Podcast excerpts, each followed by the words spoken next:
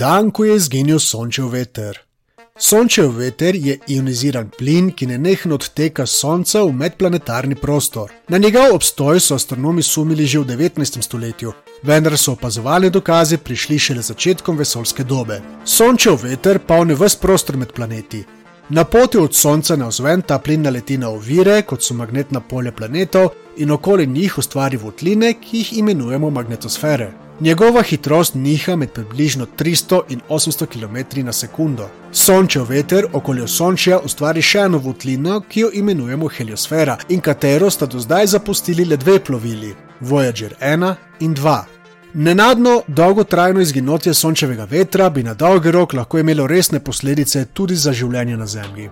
Do takega izginotja na srečo še ni prišlo, je pa 11. maja leta 1999 sončev veter skoraj da izginil. Dogodek nam služi kot opomin o tem, kako malo dejansko vemo o sončevem vetru ter njegovem vplivu na naša vsakdanja življenja. Sončni blok.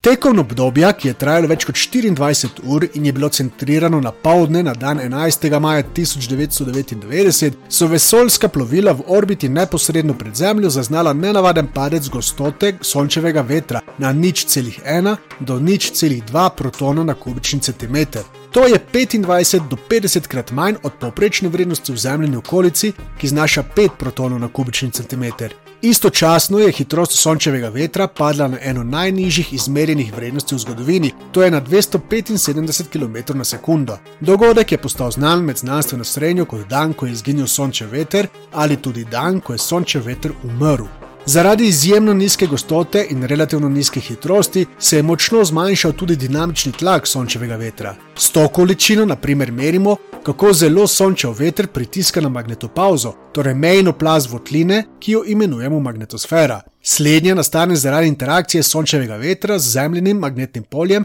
ki nas varuje pred prihodom delcev, ki sestavljajo sončev veter, pa tudi energetskih delcev, ki sicer bolj ali manj prosto potujejo po vesolju. Ko se dinamični tlak sončevega vetra poveča, se velikost magnetosfere na strani, ki je obrnjena proti Soncu, zmanjša in obratno.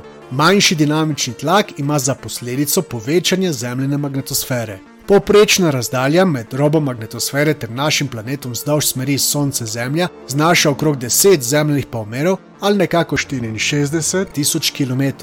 11. maja 1999 je sončev veter skoraj da nehal pihati in s tem pritiskati na geomagnetno polje. Posledično se je zemljina magnetosfera začela napihovati, dokler ni presegla velikosti, ki je kar za faktor 5 do 6 presegala njeno tipično velikost.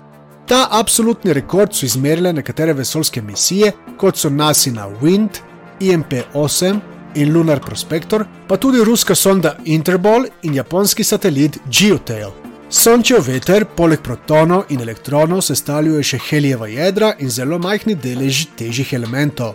11. maja 1999 je relativni delež teh elementov bil celo do desetkrat manjši, kot je to ponavadi. Naseni znanstveniki so razložili, da težji elementi enostavno niso mogli uiti sončevemu gravitacijskemu privlaku. Ta dogodek je imel še eno zanimivo posledico. Ob odsotnosti sončevega vetra se je spremenila tudi oblika zemljenega magnetnega polja. Tako so lahko elektroni sončevega vetra prosto dosegali ionosfero v bližini polov in povzročili tako imenovani elektronski polarni dež. Na mesto običajnega polarnega sija prostorsko omejenega na tako imenovani polarni oval, je zasijalo kar celotno območje v bližini zemljenih magnetnih polov. Še skoraj deset let pozneje so znanstveniki poskušali razvozlati skrivnost, zakaj je do izginotja sončevega vetra sploh prišlo. Ameriška znanstvenika Robert Limon in Scott McIntosh sta tako predlagala, da je območje na Soncu, ki je sprva oddajalo hitri sončev veter v smeri proti Zemlji, spremenilo svojo magnetno konfiguracijo tako, da slednji enostavno ni več mogel odtekati z naše zvezde. Dokončnega odgovora še nimamo, morda se bomo do njega prikopali kdaj v prihodnosti, ko bomo podoben dogodek opazovali s floto najnovejših in najbolj zmogljivih vesoljskih misij. Sončni blok.